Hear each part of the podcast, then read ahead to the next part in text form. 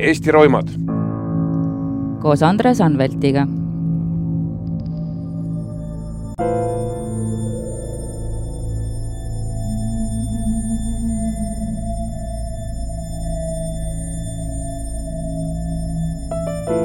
jaanuaris tuhat üheksasada üheksakümmend üks tulid kaks Rootsi ametiühingu liidrit, viiekümne viie aastane Bertil Wingenberg ja viiekümne aastane Ove Fredrikson Eestisse, et luua sõbralikke sidemeid taasiseseisvunud Eesti ametiühingutega.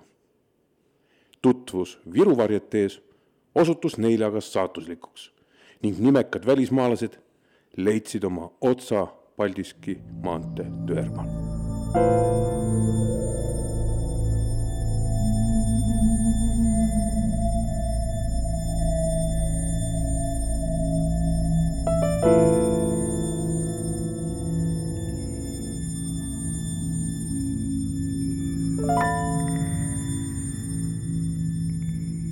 Head Eesti roimade sõbrad, mina olen Dagmar Lamp ja minuga on stuudios nagu ikka ja alati Andres Anvelt, tere. tere, tere Dagmar, tere kõik eh, kuulajad nii Eestis kui välismaal, sest ma olen kuulnud, et ka välismaal meid kuulatakse, olen saanud tagasisidet sealt. nii et me võime tulevikus võib-olla rääkida maailma roimadest no siis äh, see on juba uus saade, ma arvan. täpselt niimoodi, nii täpselt et äh, niimoodi. fännid, olge valmis, me Aga- laieneme. aga tervitus jah, minu poolt kõigile, ilusat kevadet. ja lisaks on meil äh, stuudios Tallinna pikaajaline kriminaalpolitsei juht Kalle Klandorf, kes praegu tegutseb Tallinna abilinnapeana. tere! tere, tere ka minu poolt. Ja sa oled igasuguseid muid rolle ka täitnud, aga selleni me siis nüüd saate käigus jõuame. mulle meeldib tavaliselt äh, siin, kui me juhtumi juurde läheme, küsida, äh, kuidas see sinu lauale jõudis, see rootslaste juhtum? Tegelikult on sellega vähe teistmoodi lugu, et see päriselt minu lauale ei jõudnud, ma olin siis juba Tallinna politseist lahkunud, ma olin läinud riigi eriteenistusse tööle selleks ajaks, kui see juhtum juhtus.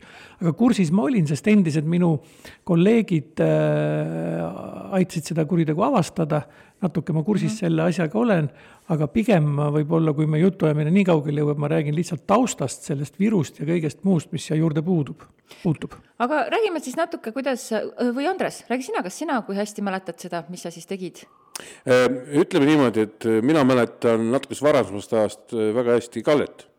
sellepärast, et äh, kui me Nõmme miilitsakooli kõrval asusime otsima endale mingeid praktikakohti, siis minu sisuliselt esimeseks praktikakohaks oli Viru eriteenistus, millest me täna kindlasti rohkem pikemalt räägime, sellepärast et sealt me jõuamegi loogilise eh, jadaga siis ka Rootsi ametiühingu liidrite röövmõrvani. Siis, kui mm, toimus Rootsi ametiühingu liidrite röövmõrv jaanuaris üheksakümmend üks, siis töötasin mina nii-öelda Eesti Vabariigi kriminaaljälitusvalitsuses, mis oli siis kriminaalpolitsei büroo ja, ja tulevase keskkriminaalpolitsei eelkäija ja töötasin selle mõrvarühmas noore siis inspektorina.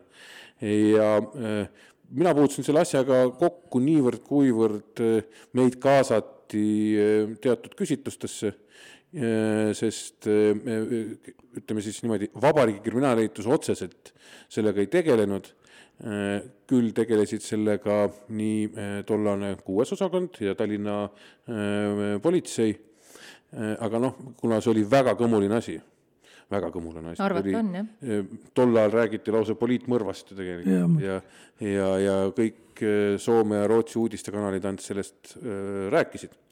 Aga äh, tagasi tulles jah, selle juurde, et äh, lühidalt, äh, et minu jaoks äh, politsei elu selline tõeline pool hakkas Viru eriteenistusest, nagu ma rääkisin, ja, ja esimene politseiülemus, keda ma oma elus nägin peale miiliskooli õppejõudude, oli siis Kalle Klandorf, kes meil siin vastas. tere tulemast! väga tähtis roll on olnud äh, sul järelikult Andrese elus mängida ja ma tahan täpsustada, et kui sa ütled Viru eriteenistus, siis sa ei mõtle siin Virumaad, vaid mõtled Viru hotelli. ja Kalle, kuidas sa seletad täpselt? seda nimetati Viru eriteenistuseks, selle põhi, noh, koht, kus äh, toimetati, asus hotellis Viru, aga tegelikult see oli Tallinna siseasjade valitsuse äh, eriteenistus, ehk siis see oli see organisatsioon, kes võitles välismaalaste vastu suunatud kuritegevusega. meie ülesandeks oli avastada kuritegusid, mis äh, suunati välismaalaste vastu, alates vargustest, röövimistest, äh, kehalisest väärkohtlemisest, lõpetades tapmiste, mõrvade, mis iganes mm. -hmm. muidugi, kui olid juba tapmised ja mõrvad, siis juba koostöös äh, Keskkriminaalpolitsei, praeguses mõistes Keskkriminaalpolitsei vastava osakonnaga. aga kõik, mis puudutas välismaalasi, tollel hetkel kuulus Viru eriteenistuse alla. aga kuidas tänapäeval on, tänapäeval lihtsalt politsei lahendab kuritegusid, hoolimata sellest, kas sa oled eestlane, välismaalane? vastavalt siis võib-olla. nii ta on, eks Andresel on rohkem sellega alaseid kogemusi, aga ühel hetkel, äh, kui Nõukogude Liit ära lõppes nii-öelda, siis äh, otsustati, tuli selline otsus, et tegelikult kõik kuriteod väärivad ühtemoodi avastamist. Ja noh, tollel ajal, miks me rohkem, miks oli eri, eriosakond loodud välismaalaste vastu suunatud kuritegevusega võitlemiseks, oli sellest, et me pidime hoidma välisturiste, meie riigil, tolleaegsel riigil ehk Nõukogude Liidul oli vaja välisvaluutat, äh, välismaalane pidi ennast siin turvaliselt tundma, nii palju, kui see võimalik oli.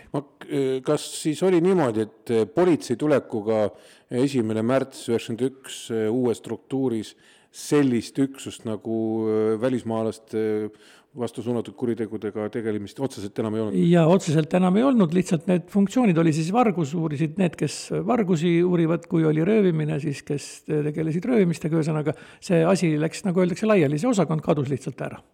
aga eh, sina olid selles osakonnas siis kuni tema nagu öeldakse, laialiminekuni või sa läksid juba riigi eriteenistusse varem ära? ma läksin riigi eriteenistusse varem ära, ma läksin augustis eh, üheksakümmend riigi eriteenistusse ja, ja siis äh, jäid teised inimesed, noored mehed jäid mul sinna alles, sina kahjuks läksid teise tähtsamasse osakonda, aga sinu kursusekaaslased jäid sinna tööle, paljud. Äh, nii et äh, Eesti mehi jäi ja, ja mis ma ütlen veel alguse jutu kohta, millest me siin rääkisime, Andres ütles, et ta oli miilitsakoolis ja esimene praktikakoht, siis peab ütlema, et see oli miilitsakooli esimene lend eestlastest üle hulga aja sest et nõukogude ajal eraldi eestlasi ette ei valmistatud, aga kuna ajad hakkasid muutuma, siis võeti need noored mehed, võeti miilitsakooli õppima ja, ja sellest esimesest lennust olid ikka noh, väga andekaid poisse, kes on noh, üks istub siin laua taga, kes jõudis väga kaugele, mul on hea meel, et ka minu väike panus oli selles. aga seal oli veel ka lihtsalt tublisid operatiivtöötajaid, kes oleks võinud äh, kui oleks rahulikumad ajad, võib-olla, ma mõtlen, võib-olla ka poliitiliselt eh, oleks jõudnud päris kaugele oma tegevustes ka. Eh, ma mm, võib-olla siis küsin ka teistmoodi, et eh, minnes tagasi nüüd meie peakangelase sellesama Viru eriteenistuse juurde, et meil kuulajal ei oleks segamini, eks ju, üks on see riigi eriteenistus, mis uh -huh. oli mingil määral siis julgeolekuasutus, mis tegeles üle riigi siis, eh, kuidas me seda nimetame kokkuvõtlikult? no me tegelesime füüsilise kaitsega ja muidugi mõnes mõttes ka vastuluurega, sest sel hetkel, kui me eriteenistus moodustati, riigi oma, siis ei olnud eh, Kaitsepolitseiametit, niisugust ametit veel ei olnud, see tuli alles poolteist aastat ja KGB veel oli jah, KGB veel oli, jah. aga, aga Viru eriteenistus, mis tegelikult noh, kuidas mina mäletan ju, meil oli väljakutseid olümpia, Pirita top spordikeskuseks, Tallinna hotell, kõik, mis oli välismaalasi ju me, aina rohkem täis. ja me teenindasime kõiki hotelle, kus välismaalased elasid sisuliselt või kõiki juhtumeid, mis välismaalastega juhtus aga äh, äh, kuna kõikidesse hotellidesse meil lihtsalt ei jätkunud inimesi, et igal pool mehitada neid hotelle oma töötajatega, kriminaaljõudluse töötajatega, siis see põhikoht oli nagu hotellis Viru, sellest ka nimetus Viru eriteenistus ja sealt me siis läksime teistesse hotellidesse. nii et teil oligi, kontor oli lihtsalt hotellis? jah ma isegi mäletan, et kui tulla hotelli sisse, Kalle parandab mind, kui mul eksi, eks natukene segamini on see, tuled hotelli sisse, siis paremat kätt Just. läks uks Amigo sa, poole vist? ei, kohe, ei, ei, Amigo on kaugemal eemal. kui sa tuled hotelli peauksest sisse, kohe äh, paremal, kohe paremat kätt läks selline äh, pruun kole uks ja seal taga oli koridor ja selle koridori lõpus paremat kätt oli üks või kaks siis eriteenistuse kabinetti. nii et kui sinna äh, kedagi viidi, siis äh, oli selge see, et, et äh, see inimene ei läinud sinna mitte lihtsalt jalutama. aga kas, äh, millised olid niisugused eriomadused, mis äh, pidid olema nendel politseinikel, kes läksid Viru eriteenistusse tööle, et ma kujutan ette, et võõrkeeleoskus peale vene keele oli oluline? tollel ajal oli väga raske leida võõrkeeleoskusega inimesi, mul õnnestus äh, äh, tööle meelitada siis tolleaegsest Oktoobri rajooni miilitsast Viktor Pekkanen, kes on rahvuselt soomlane ja rääkis täiesti vabalt soome keelt, eks põhiline oligi meil Soome turistidega mm -hmm. Äh, ja need muud keeled juba, need olid, tulid alles hiljem, et tol ajal ei olnud võimalik mingit keelenõuet, äh, ikka meil oli põhiliselt käis vene keeles ja siis seletati käte-jalgadega, kui vaja. uskumatu. eks, eks giidid vahendasid meid ka, sest äh, kui probleem oli välismaalased, tavaliselt oli ta mingis grupis ja see grupi giid tuli siis kas esitas meile avalduse, rääkis, mida mm -hmm. see soovib täpselt ja nii edasi. kuigi mina mäletan, et need, kes meie poolt sealt miilitsakoolis me praktikale tulime, kaks või kolm poissi, noh, mina ei ole kunagi eriti soome keelt osanud, aga ülejäänud äh, Veiko ja Jaanus ja nemad äh, rääkisid ka soome keelt, eks ju mis ja, keeli sina siis räägid? mina olen inglise keele inimene. tema, ma räägin, et see Eesti, Eesti grupp, mis tehti, see andis väga palju tolleaegsele, kas või seesama keelteoskus, millest me praegu räägime mm. -hmm. sa, sa lõpetasid ka kahekümne esimese kooli, eks ole, see oli ju tuntud inglise keele eriklassiga kool ja väga hea, kui sellised noored mehed sattusid äh, sinna vene keskkonda isegi tuleb vahele, et meil meelest, mind isegi kunagi kutsuti Miilitsa koolis äh, meie kooli ülema asetäitja poliitalal juurde ja küsiti, miks ma nii hästi inglise keelt oskan, et kas ma ei ole äkki spioon miljoon või midagi sellist.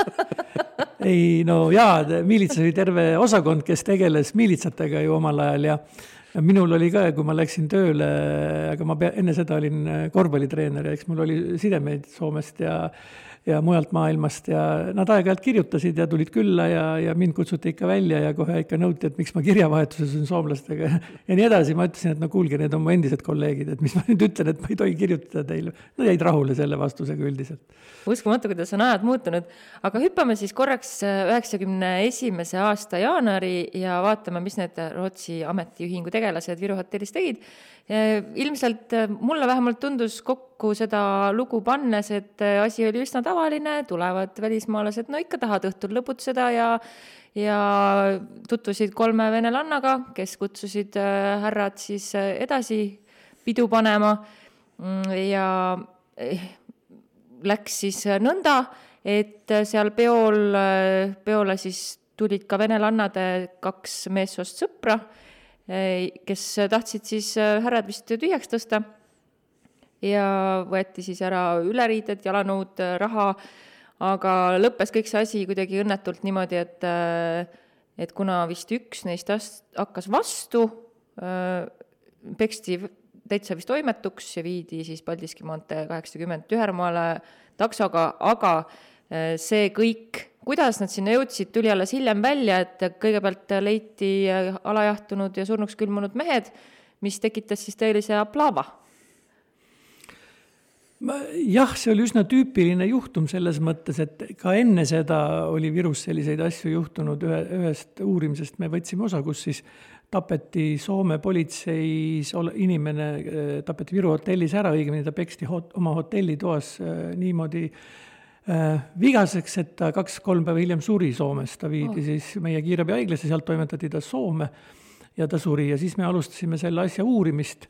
See oli täiesti, täiesti juhtus selliseid asju. teine asi, see oli nüüd hotelli sees, aga see, mis välja puudutas, oli ka soomlaste puhul, nende ka Rootsi tegelaste puhul tüüpiline, et kutsuti teed jooma teed, kas see on nagu koodnimetus, jah? no see oli meie, saime kohe aru, et kui nad mm -hmm. ütlesid, et muidu oli kõik jälle tore, läksime teed jooma, siis me sattusime kuskile tup-, korterisse tuppa, siis oli ka selliseid juhuseid, kus mees tuli koju ja siis oli vaja kiiresti põgeneda, siis nad said lihtsalt peksa ja no igasuguseid selliseid juhtumeid oli, nii et see oli üks tüüpilisemaid ja ja, ja kui ma siit materjalidest ka nägin, Andres võib-olla ka täiendab, et see kasutati silmatilku ehk klofeliini, mis tollal oli väga populaarne. ja, ja, ja see on meil olnud ka see Svetlana Haito-, Haitola, kes oli Haikola, kes, jah, Haikola, jah ja. kes äh, ka vist oli silmatilkadega no silmatilku äh, tegelikult tol ajal äh, prostituudid oma kliendi, nagu öeldakse, pehmendamiseks ja, ja viimaks ta siis sinna universumi äärealadele siis ehm, mulle heidetakse kogu aeg naermist ette, aga kuidas ma saan mitte niimoodi kõhistada, kui sa niimoodi sõnastad? no aga ta, inimene läheb sinna, see ongi see eesmärk, et ta on teises dimensioonis ja siis tal võetakse kõik sellest ära. ma mäletan isegi ehm, veel varasemal ajal ennem neid Rootsi ametiühingu liidreid, kui ma Viru hotellis siis õhtustes vahetustes käisin, siis ikka aeg-ajalt leiti mõni soomlane, kes oli täielikult audis. tal oli kõik ära võetud, ta oskas läbi järgmine päev ehk tulla öelda, et eh, lomps on läinud ja kaiki on rööstatud ja nii edasi. aga tegelikult eelmine päev, eh, kusjuures ta ei olnud palju joonud, ta aitas ühest kokteilist. et kui tänapäeval me räägime sellest kebekast, eks ju mm, -hmm. millega siis naisi rünnatakse meie ööklubides, siis tol ajal naised ründasid mehi klofeliiniga, nii et on sooline tasakaalu ajastus on jälle taastatud. aga ma saan aru, et see plaan oli siis selline, et et, et mitte siis niivõrd teenida raha seksi pakkumisega, vaid inimesed uimastada või siis mehed, potentsiaalsed kliendid uimastada, paljaks röövida ja ilma siis äh, seksi üldse pakkumata saada raha ja visata tänavale? tegelikult eks ta suures osas nii oligi, et kõik see, keda me armastame nime, nimetada Viru prostituutideks või niisuguste nimedega, jah, siis see, palju see ei vastanud tõele tegelikult mõte oli ikkagi, et need soomlased teeksid kas stereopaaris või kusagil mujal välja lihtsalt nendele. seal oli selline komme, et noh, ega soomlane, kui ta oli paraja või välismaalane, miks me nüüd soomlast nimetame, siin mm -hmm. rootslastest jutt. kui ta oli päris paraja auru all, siis ta enam rahanumbrit ei tundnud, ta ei teadnud, palju mingi kokteil maksab, ta andis siis oma kaaslasele ehk siis meie kohalikule tütarlapsele noh, näiteks viiskümmend marka kätte. aga tegelikult see kokteil maksis võib-olla kümme marka, eks ole, muidugi osteti see ära ja siis võeti raha ja, ja nii ta oli, et see raha kui ta kümmegi maksis, eks ole?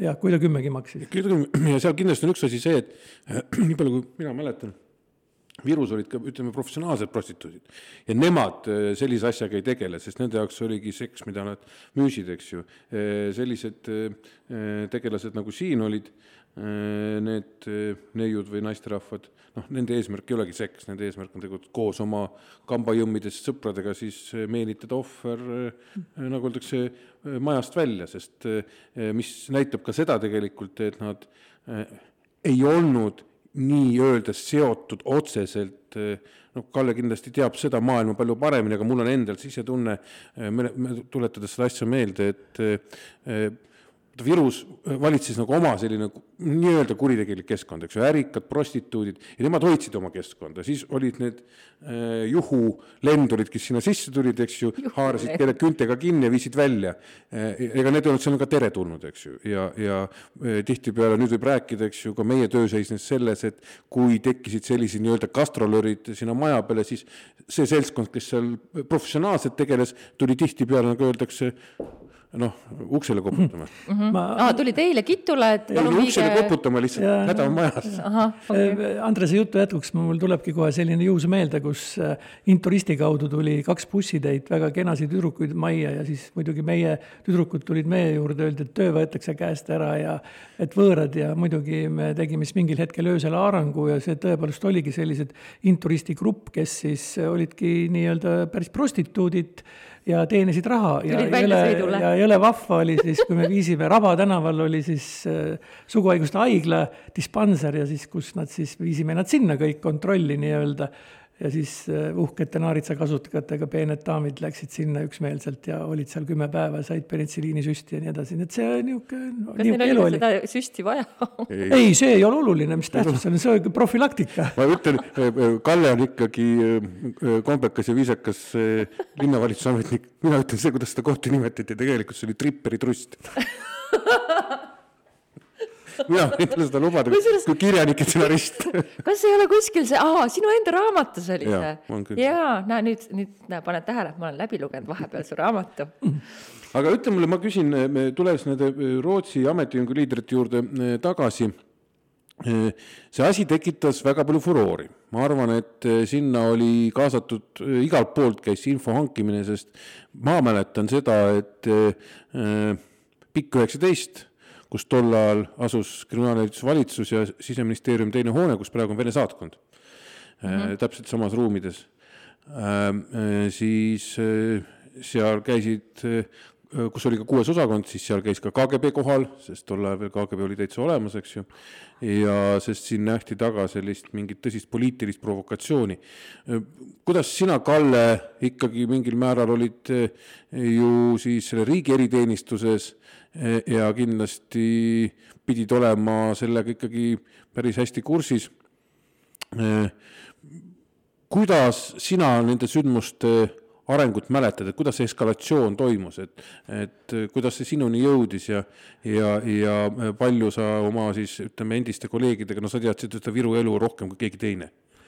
Ja eks ta nii oli, eks see, eks see äh, sündmuste ahel ju algas minu jaoks selles mõttes sellest hetkest, kui leiti need äh, surnukehad mm. -hmm. ja kui selgeks tehti, et need on Rootsi ametiühingu tegelased ma mäletan väga hästi, et äh, kuna sul on õigus, et ma teadsin Viru eriteenistuse töötajaid tolleaegseid ja ja, ja need olid tublid, tublid mehed, siis ma kontakteerusin kõigepealt Veiko Kullaga, kes oli jäänud tollel hetkel veel Viru eriteenistusse. Ja, ja siis me koos käisime ka Jüri Pihli juures, kes oli sellel ajal siis linna äh, Äh, üle, miilitsaülema asetäitja, kes, kes siis ka oli kriminaalpolitsei ja. alal või kriminaaljälituse alal. ja, ja me seal tema juures arutasime ja muidugi see kõik jäi äh, selles mõttes Tallinna poolt jäi Jüri juhtimise alla, äh, selle kuriteo avastamine, nii et, et me jah, kontakteerusime, vahetasime informatsiooni ja, ja mõtteid, kes või mis võiks olla, sest et Äh, mõni aeg enne seda, üks aastapäevad enne seda, vot ma mainisin seda juhust, kus Soome tapeti Soome naine ära. Me saime need kätte lõpuks, kes oli ja ma vaatasin nüüd alles hiljuti, läks läbi jälle Kasupski nimi, eks ole, tema osales tollel äh, hetkel ka, mitte selle, selles peksmises, aga meile tulid külla Soome uurijad, kellega me koos hakkasime seda kuritegu avastama ja need Soome uurijad langesid sinna lõksu, läksid naistega kohvi jooma Koplisse. Äh, sealt äh, ise veel uurija? kusjuures jaa, ma Virus, meil oli õhtusöök, ma ütlesin, ärge te kuhugi minge majast välja, et ja kui midagi on, helistage mulle ja mulle pool neli öösel siis helistatakse, sõbrad on siin leti ääres, kellel oli silm sinine, kellel olid püksid lõhki, kõik asjad ära võetud, kellad, prillid, rahakotid, eks ole. ja siis me avastasime selle kuritegu, et siis proua Kasupskaja tol ajal oli siis see, kes meelitas nad kohvi jooma või teed jooma, läksid sinna, anti peksa mehed tulid koju, nagu öeldakse, põõsastest välja ja, ja nii see oli, aga Supski oli siis üks peksja, kes nüüd oli siis narkokuritegu, ta istub praegu kohtu all minu meelest mm. -hmm. et, et see ring on noh, pidev, ega need inimesed on. aga mis selle nüüd, kui te istusite Jüri Pihli ja Veiko Kullaga siis Tallinna linnavalits- või selle linnavalitsus, vabandust, Tallinna politsei miilitsa, miilitsa, Tallinna miilitsa valitsus oli see, siseasjade valitsus kas, kui kõva, kõvasti siis ikkagi seesama äh, mõte figureeris, et siin võib olla taga mingi poliitika, sellepärast seda tookord meedias räägiti väga palju, aga teie kui professionaalid äh, nägite ju paralleele sellesama teemaga näiteks, mis noh, kui uurijadki alguses kindlasti püüti seda väga poliitiliselt, sest ma mäletan täpselt seda, äkki oli ühel hetkel oli hästi palju inimesi Jüri kabinetis, seal neljandal või viiendal korrusel oli kabinet, ja seal oli nii julgeolekumehi kui ka parteitegelasi oli linnavalitsusest ja ra-, tuba oli rahvast täis, eks ole, noh, eks me olime, nende tarkus oli vaja ära kuulata, eks ole, ühed arvasid, et ei tohi sellist poliitilist provokatsiooni lasta Eestis teha, et te peate kõik selleks tegema, et avastada ja nii edasi, nii edasi, eks ole, aga loomulikult äh, need poisid, kes eriteenistused töötasid juba, kohe hakkas ju natuke äh, peas sähvima midagi. Ja, ja ja kuidas see sähvimine hakkab, see hakkab ju niimoodi, et kõigepealt lähed hotelli, hakkad rääkima nii-öelda nende, nagu Andres ütleb, igapäevaste tüdrukute ja poistega, kes seal on, et kus nad olid, kas keegi nägi neid, kus mm, -hmm. kus baaris nad olid, kellega nad olid koos ja sealt ju hakkas kohe ja pilt muutus järjest kohe selgemaks. et oli selge, et tõenäoliselt ei ole mängus kedagi muud, kes tahaks teha provokatsiooni, vaid lihtlabane. jah, ja, ja kui vaadata neid igapäevaseid röövleid, kes seal olid, noh, need vaevalt, et nad nüüd tollel hetkel juba enam poliitilist tellimust mingisugust tegid, et Eestile nagu halba varju jätta, sest nad enne seda ja peale seda tegelesid samasuguste kuritegudega, nii et see oli üks kurjategijate kamp. kas sa oskad öelda, kuidas äh, siis, millist meetodit või millist, kas oli puhas informatsioon, ega tol ajal kriminalistika kui selline oli suhteliselt nõrk? kuidas jõuti nende tegijateni? jaa, muidugi, tähendab, aga, aga noh, seal Äh, seal oligi, et, et ikkagi tollel ajal oli põhiline informatsioon, eks ole, jälgi ju võeti ka alati igalt poolt, aga tol ajal veel ei olnud ei DNA-d ega midagi säärast, eks ole. Äh, aga noh, oli, oli näha, et need seal ei olnud tapetud, need inimesed, sündmuskohal oli see ju selge kohe, seal nagu võitlusjälgi ei olnud, maha visatud ja kogu lugu ja, ja, ja, ja nii see asi siis, siis läks, et. ja leiti ka vist ju päris leiti, jah, kiirelt järgmine hommik. jah, üsna kiirelt ja ühel olid veel vist püksid jalas või midagi säärast. valed püksid, valed dressipüksid. valed dressipüksid olid ja nii et noh see läks, läks üsna kiiresti ja, ja, ja ega see kuritegu oligi lihtne ja labane, noh, mida, mida olime harjunud, nagu öeldakse, tegelema nendega igapäevaselt Need kahtlusalused tabati ka väga huvitavalt, et osad neist ei olnudki enam Eestis, kas võis siis olla, et üks naistest saadi kätte Tadžikistanis, Dušanbe lennuväljal, üks naine tabati Moskvas, üks mees samuti Moskva piirkonnas ja ühel mehel siis olidki tabamisel jalas Wingbergi püksid, siis Wingberg oli siis see, kellel olid jalas need võõrad dressipüksid. Nende kahtlusaluste nimesid ei suutnud ma leida ja ei leidnud ka, mis nad võisid karistuseks saada aga kas võis olla, et, et nad olid äh, välismaale või noh, jah, Venemaale siis põgenenud äh, sellepärast, et nad ehmatasid ära, et asi läks nii suure kella külge? Jaa, kahtlemata, tähendab, eh, Andres siin kindlasti on targem kui mina nendes asjades, aga, aga tollel ajal äh, oli lihtsam pidada nii-öelda üle nõukogu, endise Nõukogude Liidu sidet, et meil olid omad kolleegid, tuttavad ikkagi igal pool ja, ja see kättesaamine ka ei olnud nii keeruline, eks ole, ei olnud vaja veel kasutada diplomaatilisi kanaleid ja prokuratuuri ja ma ei tea mida, eks ole, anti tagaotsimisasi ja, ja, ja püüti kinni need inimesed, eks ole oli vist nii, Andres? no see oli isegi veel lihtsam, et ja. oli suur nagu öeldakse, Nõukogude vennalike äh, vabariikide liit nii-öelda, aga see miilitsa asi toimus selles mõttes hästi, et äh, kui oli ikka tõsised sellised tüübid tagaotsitavad, kus oli pilt ja kõik muu olemas. Ja sa läksid, marssisid sellega, kui ma ei eksi, äh, Pikk tänav kuuskümmend üks viiendale korrusele, kus oli see kõige tähtsam tele, tele, teletypogrammi aparaat, mis saatis siis ka pildid ja ja, ja nii edasi laiali, siis oli see igas lennujaamas, igal pool oli see kohe hetkega trükk, print printisid eh, need suured aparaadid selle välja ja, ja eh, need eh, inimeste tagasitoomine oli ka võrreldamatult lihtne, et kui hommikul öeldi sulle, et Dušanbe lennujaamas peeti kinni, siis lõunaajaks olid sa juba kuskil siin Dušanbe poole teel.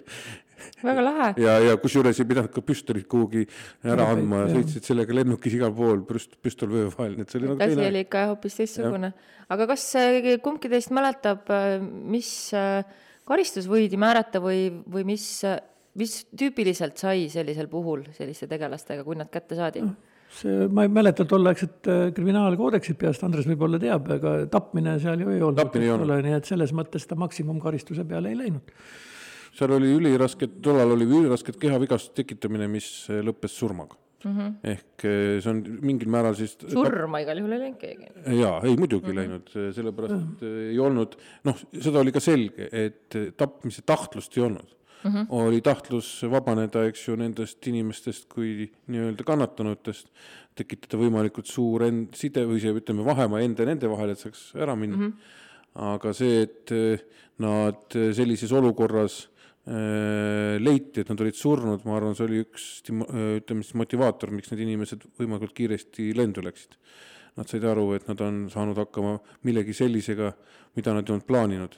ja nii palju, kui mina mäletan, siis äh, need inimesed ei olnud ju ka kõik Eesti taustaga et nad olid välja, välismaalt, no ütleme välismaalt, teistest siis liiduvabariik. ütleme niimoodi, nad olid, osad olid nendest pärit kuuendikust maailma, maakerast mm -hmm. ja, ja eh, nad eh, sattudes Eestisse, siis eh, liikusid tagasi kohe. mida siin peab kindlasti ütle, ütle, ütlema, on see, et, et selliseid gastrolöre tol aeg liikus massiliselt ei maksa unustada, et Eestit peeti ikkagi nii-öelda Nõukogude Liidu lääne aknaks, kus oli meri ja, meri ja soomlased Soome. ja rootslased ka ja täpselt eh, käisid laevad eh, tol ajal juba Eesti ja Rootsi vahet, eks ju, Soome vahet. Eh, elu oli täitsa teistsugune kui kuskil Venemaal ja sellepärast tulid siia kõik, kes, kellel üldse oli asja. ettevõtlikkust ka. No ettevõtlikkus, kuidas saab nimetada muidugi igal alal ikka tuleb ettevõtlik olla, kui tahad laieneda. Eks jah, need äh, kaheksakümnendate keskpaik ja kaheksakümnendate lõpp oligi see, kus üle, nagu Andresega oli juttu, et äh, üle liidu tulid siis erinevad grupeeringud hakkasid meil ju moodustama, kuritegelikud siin, eks ole. Mm.. Ja Andres teab neid rohkem peast kui mina, eks ole, võib-olla ma tegelesin mõnega siin, aga Andres tegeles tol ajal kõigiga, kes Eestis siin liikusid ringi, nii et nii et neid grupeeringuid oli palju, need olid ju ka, ainult üks oli siis põhimõtteliselt, keda kõik teavad, linnuvabriku grupeering, ülejäänud olid kõik, ei tea, kus Solikamskist, Kamskist, Kemero. sealt Kemerovost permid ja kõik, eks ole, see näitabki, et oli rahvusvaheline see äh, noh, tol selles mõistes ja aga antud juhul muidugi need inimesed ei olnud mingid organiseeritud seda kurjategijad, need aga- olid eh, harilikud kastradid, neid liikus ka väga palju, et selles mõttes mm -hmm. tulid siia, tegid oma kaupstopi ära, nagu öeldakse, ja liikusid tagasi. kindlasti muidugi eh, tuleb arvestada seda, et eh, ja siin eh, eh, muideks on väga ol- oluline asi tähele panna, et eh, neljapäeval, kahekümne, kahekümne neljanda jaanuari öösel nad tutvusid nendega Viru hotelli varietees, eks ju, et eh, kolme vene prouaga, eks ju mm. -hmm. Viru eh, eh, varietees, mis mingil määral noh, näitab võib-olla ka seda, et see ka meie filter või ütleme, politseipoolne filter alati nii hästi ei töötanud, sest mina mäletan seda hästi aega, et kui olles seal Viru eriteenistuse praktikal, kui varietee lahti tehti, siis noh, meil kas Kalle või siis keegi teine tegi instruktaaži, siis me vaatasime neid nägusid kogu aeg, jätsime meelde endale albumis, eks ju, kes on need, kes ei ole nagu teretulnud ja kes on nagu ohtlikud, kel tuleb silma peal hoida. okei, ja üks asi oli, eks ju, see šveitser, kes sisse lasi ja niimoodi, et need tütarlapsed sinna sisse said, noh, tähendab seda, et neid ei olnud arvatavasti kuskil selles nii-öelda žurnaalis sees, eks ju, see on punkt üks. ja punkt kaks see, et, et eh, ei, neid ei filtreeritud välja. ma arvan muidugi üheksakümmend üks oli see eh, filtreerimine kindlasti ka palju eh, nõrgem kui juba tegelikult kaheksakümmend üheksa. juba, juba oli nõrgem, juba hakkas, hakkasid, ütleme, demokraatia õied paistma siin mõnes mõttes, kus äh, prokurörid lendasid meile selga ja ütlesid, et enam esiteks ei tohi neid tüdrukuid Raba tänavale viia ravile, siis ei tohi te seda teha, teist, kolmandat, eks ole, ja, ja, ja noh, ega aga, ja me, eks siis tõmbatigi tagasi, sest ega politseinik või miilis tollal ka ei tahtnud eriti sekeldustesse sattuda tühja asja pärast. nüüd ma ei mõtle tapmist nüüd, aga üldse tähendab, kui prokurör arvab nii, siis noh mm, -hmm. no kui ülemused ütlevad siis tuleb teha. aga minul on ikkagi äh, hinge peal see küsimus, et äh, kui palju Viru hotellis, hotellitubades pealt kuulati? noh, see oli puhtalt nüüd julgeolekukomitee rida, eks ole, nendel olid, olid Te teatud pidite ka ruumid. ikka teadma ju. ei teadnud. ei teadnud. mina ei, võib-olla Kalle ei, teab. ei äh,, muidugi ma teadsin ja mind viidi ka sinna keskusesse ükskord, kui ma läksin sinna tööle, tähendab äh,, kui ma läksin sinna tööle ülemaks, et see pidi natuke ikkagi teadma neid asju. aga, aga igapäevaselt loomulikult meile seda keegi ei öelnud, aeg-ajalt lihtsalt istusid Veri, Viru esimesel korrusel äh, mehed, keda me nägupidi teadsime, teadsime, et nad olid julgeolekust. sealt nad võtsid objekte endale, keda oli vaja jälgida kas siis välisjälgimisega käia nendel järgi, tuba siis ilmselt kuulati niikuinii sellel inimesel pealt, eks ole, ja, ja see kogu informatsioon, siis julgeolekukomitee ei jaganud seda äh, miilitsaga tol hetkel midagi. Nendel olid ainult teatud soovid. ükskord, noh, see on ka äh, vastuluure teema, tulid äh, kuskilt Venemaalt tulid äh, julgeolekutöötajad, Eesti julgeolekutöötajad tõid nad minu juurde, ütlesid, et nendel on vaja välismaalaste dokumente saada, autojuhilubasid, passe, ükskõik millist dokumenti mm. -hmm. sest alla lõpmata ju kas soomlastelt, kui varastati, visati prügikasti, jälle toodi äh, Virusse, aga meil oli juba Soome politseiga tollal päris niisugune hea side, et me olime kokku leppinud, et kõik leitud dokumendid me anname nendele, nad viivad põrandaaluselt siit välja, tagasi Soome need dokumendid ja siis hakkavad, annavad ära seal need dokumendid mm. -hmm. nii et me nendele ütlesime ei, aga ilmselt kuna Viru on ju hästi vana hotell, eks ole, kuuekümnendatest aastatest, siis ennem see süsteem niimoodi toimis sest kattedokumente on vaja ju vastuluurel ja luurel on igatepidi neid vaja ja niisuguseid asju otsiti meie juurest, sest meil oli hästi palju välismaalasi. aga kas sellist asja siis ei võinud äh, olla, et kui äh, julgeolek midagi ei jaganud, et äh, kui seal hotellitoas siis soomlane, see oli Soome naine siis, kes peksti nii et vigaseks, et suri pärast, et kui ta juhuslikult oli toas, mida pealt kuulati, aga noh, et no ilmselt ta tuba ei kuulatud pealt. Sellel hetkel, noh, sihukest, et salvestaks niisama, on ju, mhm. ei, ei, et see pole ikka see. see pole, see pole ikka, jaa, seda pole võimalik mm -hmm. füüsiliselt sest teha. inimesed pandi, kindlad inimesed, ega ei tulnud, hakati juba piirilt või kusagilt eelnevalt juba isegi välisriigist hakati teadma mm, -hmm. et see inimene tuleb siia, siin ta pandi kindlasse tuppa, mis oli pealtkuulatav ja nii edasi. et isegi kui see õnnetu Soome naine oleks äh, sattunud tuppa, millel oli pealtkuul-, kuulamise võimekus, siis kuna teda ei kuulatud, no ta ei olnud huvi orbiidis täpselt niimoodi. võis ta ka surra sellises toas, mis tegelikult oli nii-öelda julgeoleku silma kõrval potentsiaalselt, aga mitte sel hetkel. ja ma, ja millegipärast ma, no nüüd ma väga spekuleerin, kui me tuleme nüüd Rootsi ametiühingu tegelaste juurde tagasi, siis ma arvan, et kui need Rootsi ametiühingu tegelased oleks tulnud näiteks kaheksakümmend seitse, kaheksakümmend kaheksa, kaheksakümmend üheksa, siis oleks nemad kindlasti olnud need objektid, keda jälgitakse. sest nad olid teise riigi poliitilise partei ja, ja võib-olla oleks asi läinud teistmoodi. et eh, huvi nende vastu oleks olnud diametraalselt teine. üheksakümmend üks, eh, seesama julgeolek teadis ka seda juba, et nad lähevad likvideerimisele ja ja, ja nende huvi eh, oli võib-olla rohkem selline statistiline, et seal kohal ära käia mm -hmm. sündmuskohal ja nii edasi. mina mäletan veel selle asja peal nii palju, et, et selle Rootsi case'is oli väga palju inimesi vaja läbi käia. ehk tegelikult selliseid potentsiaalseid noh, kuidas ma ütlen siis, tüüpe, seltskondi, kes siis meelitasid, eks ju, kliendi nii-öelda eemale pidutsema ja siis teda kas mürgitasid, noh, selle klofeliiniga ja siis röövisid, oli tegelikult üpris palju, nad olid ju kõik kaardistatud. ja, ja ka antud juhul äh, äh, käidi, see oli selline tüüpiline töömeetod et äh, analoogiliste kuritegude eest siis kahtlustatavad või on informatsioon olemas, neid kõiki küsitleti. Ja, ja tegelikult sellise küsitlemise noh, kasutegur on, tundub küll äh, tihtipeale, et ta on väikene sellepärast sa käid läbi võib-olla kümneid, kümneid, kümneid inimesi, eks ju mm. -hmm. Aga tihtipeale selle kasutegur tuleneb mitte sellest, et sa lähed inimese juurde, küsid, eks ju, kas sa äh, vabandust, kahe, kahekümne neljanda jaanuari öösel äh, peksid kuskil kahte rootslast või mitte, eks ju, aga äh, seal tekib ka teatud selline närviline olek.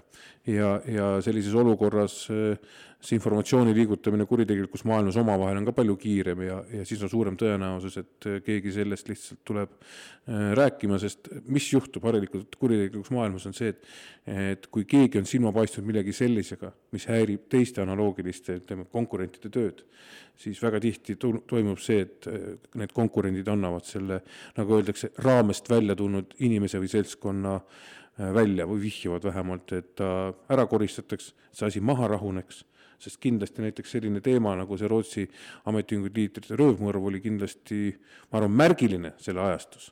sellepärast, et eh, esiteks tuli see olukord nagu suure kella külge, et niisuguseid asju tehakse, sellest hakati rääkima, eh, kindlasti mõjutas ka see nagu siis politsei tööd nii-öelda poliitika poolt mm, -hmm. et selliste asjadega tuleb tegeleda, noh, palju see kiiresti see mõjus, aga kindlasti need on märgilised teemad, mis eh, mõjutavad ka kindlasti, ütleme siis, kriminaalpoliitikat lähimate aastate jooksul. Ja ilmselt ju ka, nagu meil nüüd käis läbi siin seesama väike Mailise mõrv, kui uuritakse selliseid tähtsaks saanud, mitte et ükski siis, iga tapmine on muidugi tähtis, aga aga mõned ju lähevadki suurema kella külge kui teised, et kui selliseid tähtsaid asju uuritakse, tulevad päris sageli välja ka muud kuritööd uurimise käigus, kui jaa, kindlasti, ma nüüd ei mäleta praegu konkreetselt selles asjas, eh, aga kindlasti neid oli, mhm. sellepärast et äh, jällegi kui sa räägid kellegiga, eks ju, kes tahab rutem sinust lahti saada, siis ta ütleb, suunab sind kellegi peale, näiteks annab vihje. ja, ja äh, kindlasti see avardab politsei ka võib-olla mitte seda, kui palju kuritegusid avastatakse, avardab teadmisi kurjategijatest mm, -hmm. sest keegi räägib kellegist ja nii edasi, et seesama žurnaal, eks ju, mida äh, mina suu ammuli omal ajal äh, Kalle käte pealt vaatasin, kus need päti ja, ja, ja, ja prostituutide pildid olid, kindlasti iga sellise sündmuse järgi täienes, äh, ma arvan, et mitme lehekülje võrra. ja siin ma täiendan Andrest natuke selles osas, et ja siis tuligi nii-öelda see Eesti Vabariik hakkas lähenema ja demokraatiaga sõitsema ja siis meil kästi need žurnaalid hävitada. ma just tahtsin küsida, kus need žurnaalid on prokurör marssis sisse, ütles, et nii, neid asju ei tohi teil olla ja head aega, pange kinni kõik minema. ja nii nad äh, kadusid ja haihtusid nii-öelda ajaloo kuskile prügikasti. väga kurb. et äh, noh, jah, kas ta nüüd enam, enam tänapäeval ta väärtust ei omaks muidugi, aga, aga tollel hetkel ikka. oli muidugi, äh, sest tööd sa pidid ju edasi tegema ja nii edasi, et. Äh, sest ega need inimesed kuhugi kadunud. ei kadunud jah ja.. see oli siis niisugune algne kurjategijate ja huvialuste Facebook. no mingil määral. sõna otseses mõttes seda küll ja, ja, ja ütleme, sinna sai tag'ida külge teisi siis võimalikke kuriteokaaslasi. sinna see näoraamat ikkagi kadus, nii kurb, ma oleks suure huviga seda sirvinud et äh, aga huvitav, miks sa siis selles mõttes, et tegelikult ju kartoteegid on ju jätkuvalt olemas ja, ja politseil on ju äh, nii kurjategijate kui ka tuntud kaasosaliste andmed, et on, on, aga tänapäeval on kõik kartoteegid on ju registreeritud, kõik on nagu Aa, et seadustatud, aga see album ei olnud ju mingisugune seaduslik Aa. album, ta oli album, kus oli, pildistati, kui nad meie juurde sattusid ja pandigi sinna, eks ole, andmed kuskile valgele lehele kirjutati taha, et see, selle number kahekümne kolmanda pildi all on see ja see inimene, eks ole mm. -hmm. et, et noh, aga siis ei olnud mingisugust niisugust äh, seadust, et siis koha peal said niisuguseid pilte vaadata ja siis ühel päeval otsustati, et see ei ole seaduslik, sugugi mitte.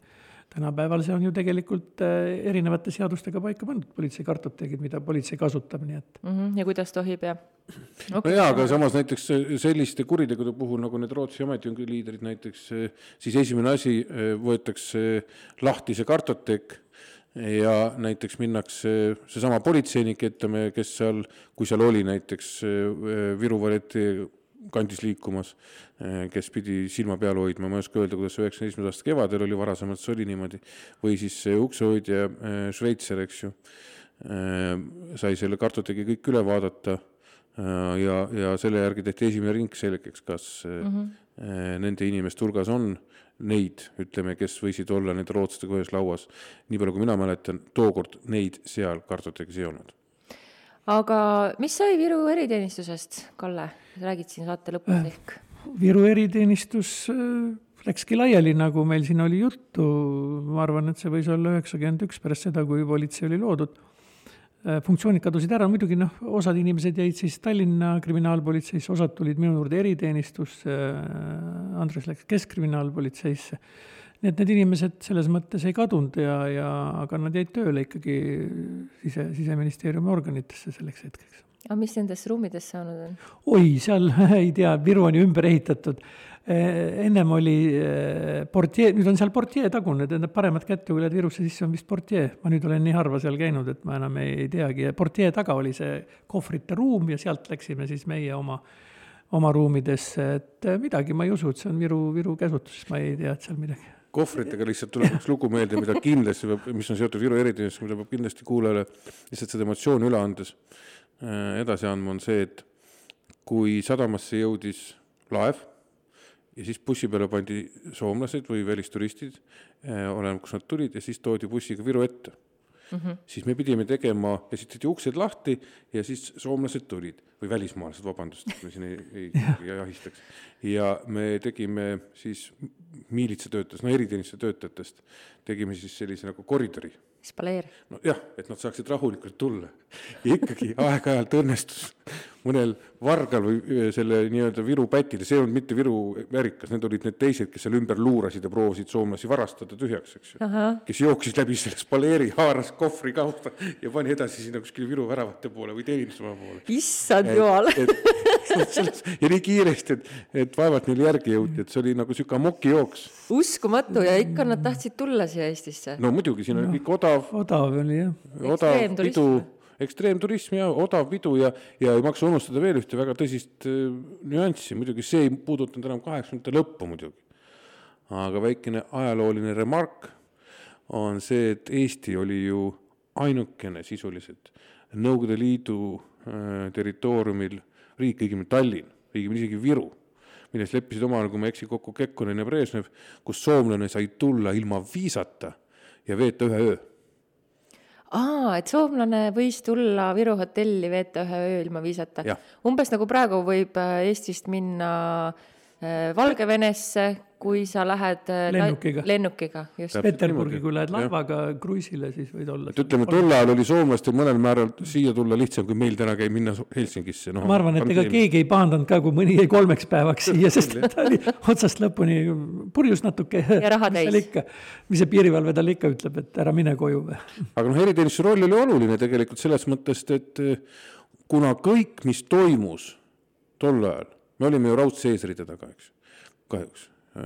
siin okupeeritud ja pidime seda kõike, nagu öeldakse, kandma ka oma õlgadel, siis mm, kõik, mis toimus siin välismaalastega, ükskõik, mis tänapäeval keegi ei pane tähele, me ei loe äh, kuriteoteadetest vahet, et kas tänaval rööviti, eks ju, eestlane, soomlane, venelane, eks ju, lihtsalt kodanik mm, -hmm. välis, vahest kirjutatakse välis, välis, välisriigi kodanik, ka sedagi harva äh,. Äh, siis kui meil midagi juhtus, siis harilikult jõudis see kohe, mingi suurem asi jõudis kohe väga kiiresti ka välisuudistesse sest äh, ka sealt oli vaja sellist noh, kerget spekulatsiooni, et nüüd selle mm -hmm. Nõukogude Liidus, eks ju, raudse eesrittaga jälle välismaalasega midagi tehti, eks ju, et ja see nagu äh, äh, vajas äh, sellist kiiret reageerimist ja ma arvan, see oligi põhjus, miks selline eriteenistus oli ja, ja sellest ajast ka esimesed kokkupuutud nii-öelda päris pressiga. ehk kui me seda soomlase mõrva avastasime, siis me läksime ka Soome lähetusse ja seal muidugi need pressikonverentsid ja sellised asjad, me üldse olime esimesed miilitsad, kes vist Soomes niimoodi ametlikult käisid uurimas mingit asja mm. -hmm. Et siis need pressikonverentsid ja asjad, mis seal toimusid, need olid ikka, pakkus väga huvi nendele näha Nõukogude miilitsat ja kuidas nad avastavad kuritegu. ja tõenäoliselt oli... endal oli ka päris sihuke ja, ja, ja, ja, ja, ja aga meil seda veel tol ajal ei olnud, olid küll jah, üksikud ajakirjanikud, kes tundsid huvi meie töö vastu, kirjutasid aeg-ajalt aga niisugust lai, laia pressihuvi ja niisugust täitsa järgikäimist, noh, niisugust ei, ei olnud. et mõned hullud hakkavad podcast'i tegema seda ikka toona ei olnud. aga olemegi jõudnud üldse mitte väga märkamatult äh, tänase saate lõppu. aitäh, Kalle Klandorf, et sa tulid ja jagasid nii hindamatuid mälestusi äh, sellest väga põnevast ajast Viru eriteenistuses ja aitäh sulle, Andres, et sa ka oled kandnud oma õlgadel meie Eesti riiki siin raudse eesriide taga ja hiljem pärast seda. aitäh, Dagmar, äh, kutsumast, minu jaoks on need nagu meenutused lapsepõlvest. Aitäh ja minul noorusest. Ja minul enne sündi. aga kohtume juba kahe nädala pärast neljapäeval uute põnevate lugudega. Ja mis seal ikka, püsige terved, hoidke ennast ja nägemist Eesti roimad. koos Andres Anveltiga